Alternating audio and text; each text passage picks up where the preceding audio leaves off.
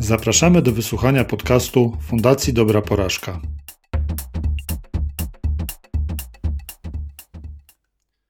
Nie wiem.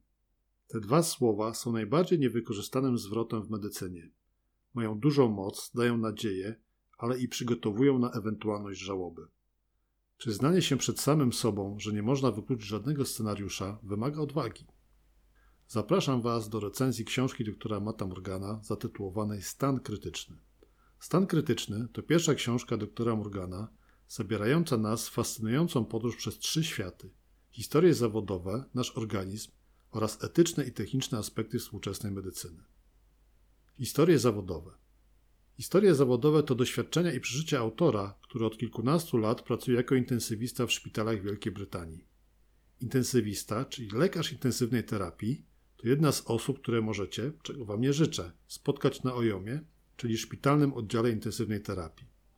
W sumie, jeśli jednak będziecie mieli powód, aby tam się znaleźć, tego Wam nie życzę, to dobrze spotkać osobę z taką praktyką jak dr Morgan. W książce Stan krytyczny lekarz pokazuje swoją wieloletnią pracę w zawodzie z perspektywy historii ludzi, których spotkał. Innych pracowników szpitali, ale przede wszystkim pacjentów i ich rodzin. Pisze o trudnych sytuacjach, w których brał udział, o tragicznych wypadkach i śmierci, ale też o sukcesach związanych z wyleczeniem pacjentów. Są to historie, które z jednej strony dają nam nadzieję, że nasz ludzki organizm i wola życia są tak silne, że jesteśmy w stanie pokonać wiele trudności, aby utrzymać się przy życiu. Z drugiej strony opisuje też sytuacje, gdzie mimo zaangażowania najlepszej wiedzy i techniki, nie jesteśmy w stanie uratować życia lub zdrowia. W swoich historiach dr Morgan często odnosi się do tego, że bycie lekarzem to ciągła nauka. Nie tylko z książek, szkoleń czy sympozjum, ale przede wszystkim z tego, z czym spotyka się na co dzień. Z radosnych i ze smutnych wydarzeń. I pokazuje, że ryzyko popełnienia błędu najczęściej nie jest związane ze skomplikowanymi przypadkami. Kiedyś martwiłem się, że w krytycznym momencie zdarzy mi się zapomnieć o rzadkim przypadku chorobowym albo popełnić błąd proceduralny. Ale nigdy nic takiego się nie zdarzyło. Po latach wiem, że błędy, które popełniłem i pewnie popełnię w przyszłości, są proste i przewidywalne, podobne do tych, które każdemu z Was zdarzają się przy robieniu zakupów, rozmowach z przyjaciółmi czy jeździe samochodem. Nasz organizm.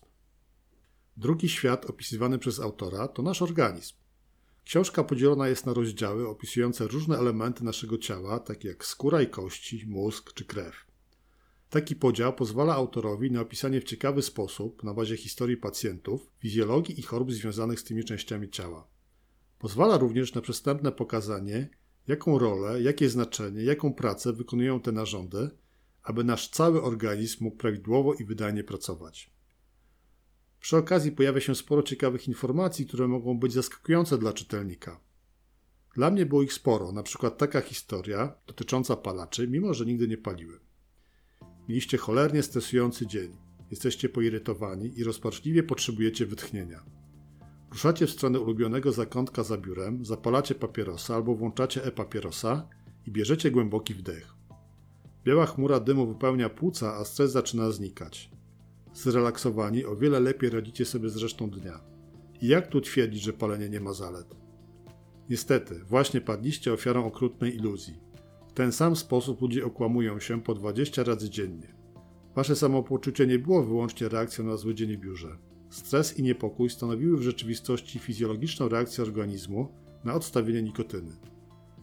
Receptory w mózgu, trenowane przez miesiące i lata palenia, oczekiwały poziomu stymulacji nikotyny równie 20 papierosom dziennie. Pomiędzy każdym z nich brak nikotyny szybko wywołuje ostre objawy odstawienia. Krótkoterminowym rozwiązaniem jest zapewnienie dodatkowego uderzenia nikotyny. Zapalenie papierosa nie wywoła odprężenia, lecz jedynie pozbawiło ciało poczucia odstawienia narkotyku, które wywołało stres. Pomyślcie o tym, gdy następnym razem najdzie Was ochota zapalić. Każdy papieros leczy tylko syndrom odstawienia, nic poza tym. Do powyższego dodam jeszcze, że tabletki na kaszel palacza na pewno nie usuwają skutków palenia, które też opisuje dr Matt. Etyka i technika w medycynie. Czas na trzeci świat, z którym spotkacie się w książce Stan Krytyczny. To wszystko to, co dzieje się dookoła medycyny, pacjenta i naszego podejścia do leków i leczenia. Dr Morgan poza praktyką lekarską zajmuje się również badaniami medycznymi, w tym zastosowaniem sztucznej inteligencji w medycynie. Jego pasją, którą widać w sposobie opisów, są też relacje międzyludzkie, tutaj pokazane głównie w kontekście medycznym. Autor dzieli się z nami ciekawymi obserwacjami i wnioskami. Często dotyka trudnych tematów, na które nie ma prostych odpowiedzi, na przykład takich jak jak długo należy leczyć człowieka i kiedy należy przestać? Czy warto leczyć przestępców, ludzi, którzy robią wielką krzywdę innym? Czy sztuczna inteligencja zastąpi medyków? Nie, nie zacytuję tutaj odpowiedzi na te i wiele innych kwestii, które dr Morgan porusza w swojej książce przy okazji opisywanych historii. Poza tym, ja nie traktuję autora jako ostatecznej wyroczni w powyższych tematach. Natomiast cenię jego zdanie i cieszę się, że takie rozmyślania dają okazję do refleksji na tematy, z którymi na szczęście rzadko mamy do czynienia. Podsumowując, z jakiego powodu warto przeczytać stan krytyczny? Po pierwsze, dla emocji pokazanych tam historii. Po drugie, dla ciekawości, jak działa nasz organizm.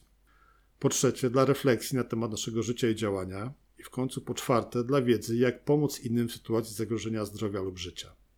To wszystko opisane jest w sposób, który powoduje, że książka naprawdę wciąga.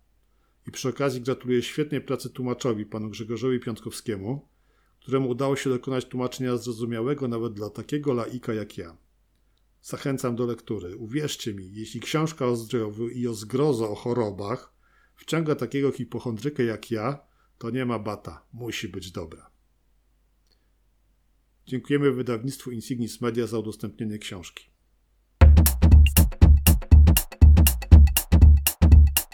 Dziękujemy za wysłuchanie podcastu. Zapraszamy na stronę dobraporażka.pl, gdzie znajdziecie mnóstwo ciekawych artykułów, filmów i nagrań.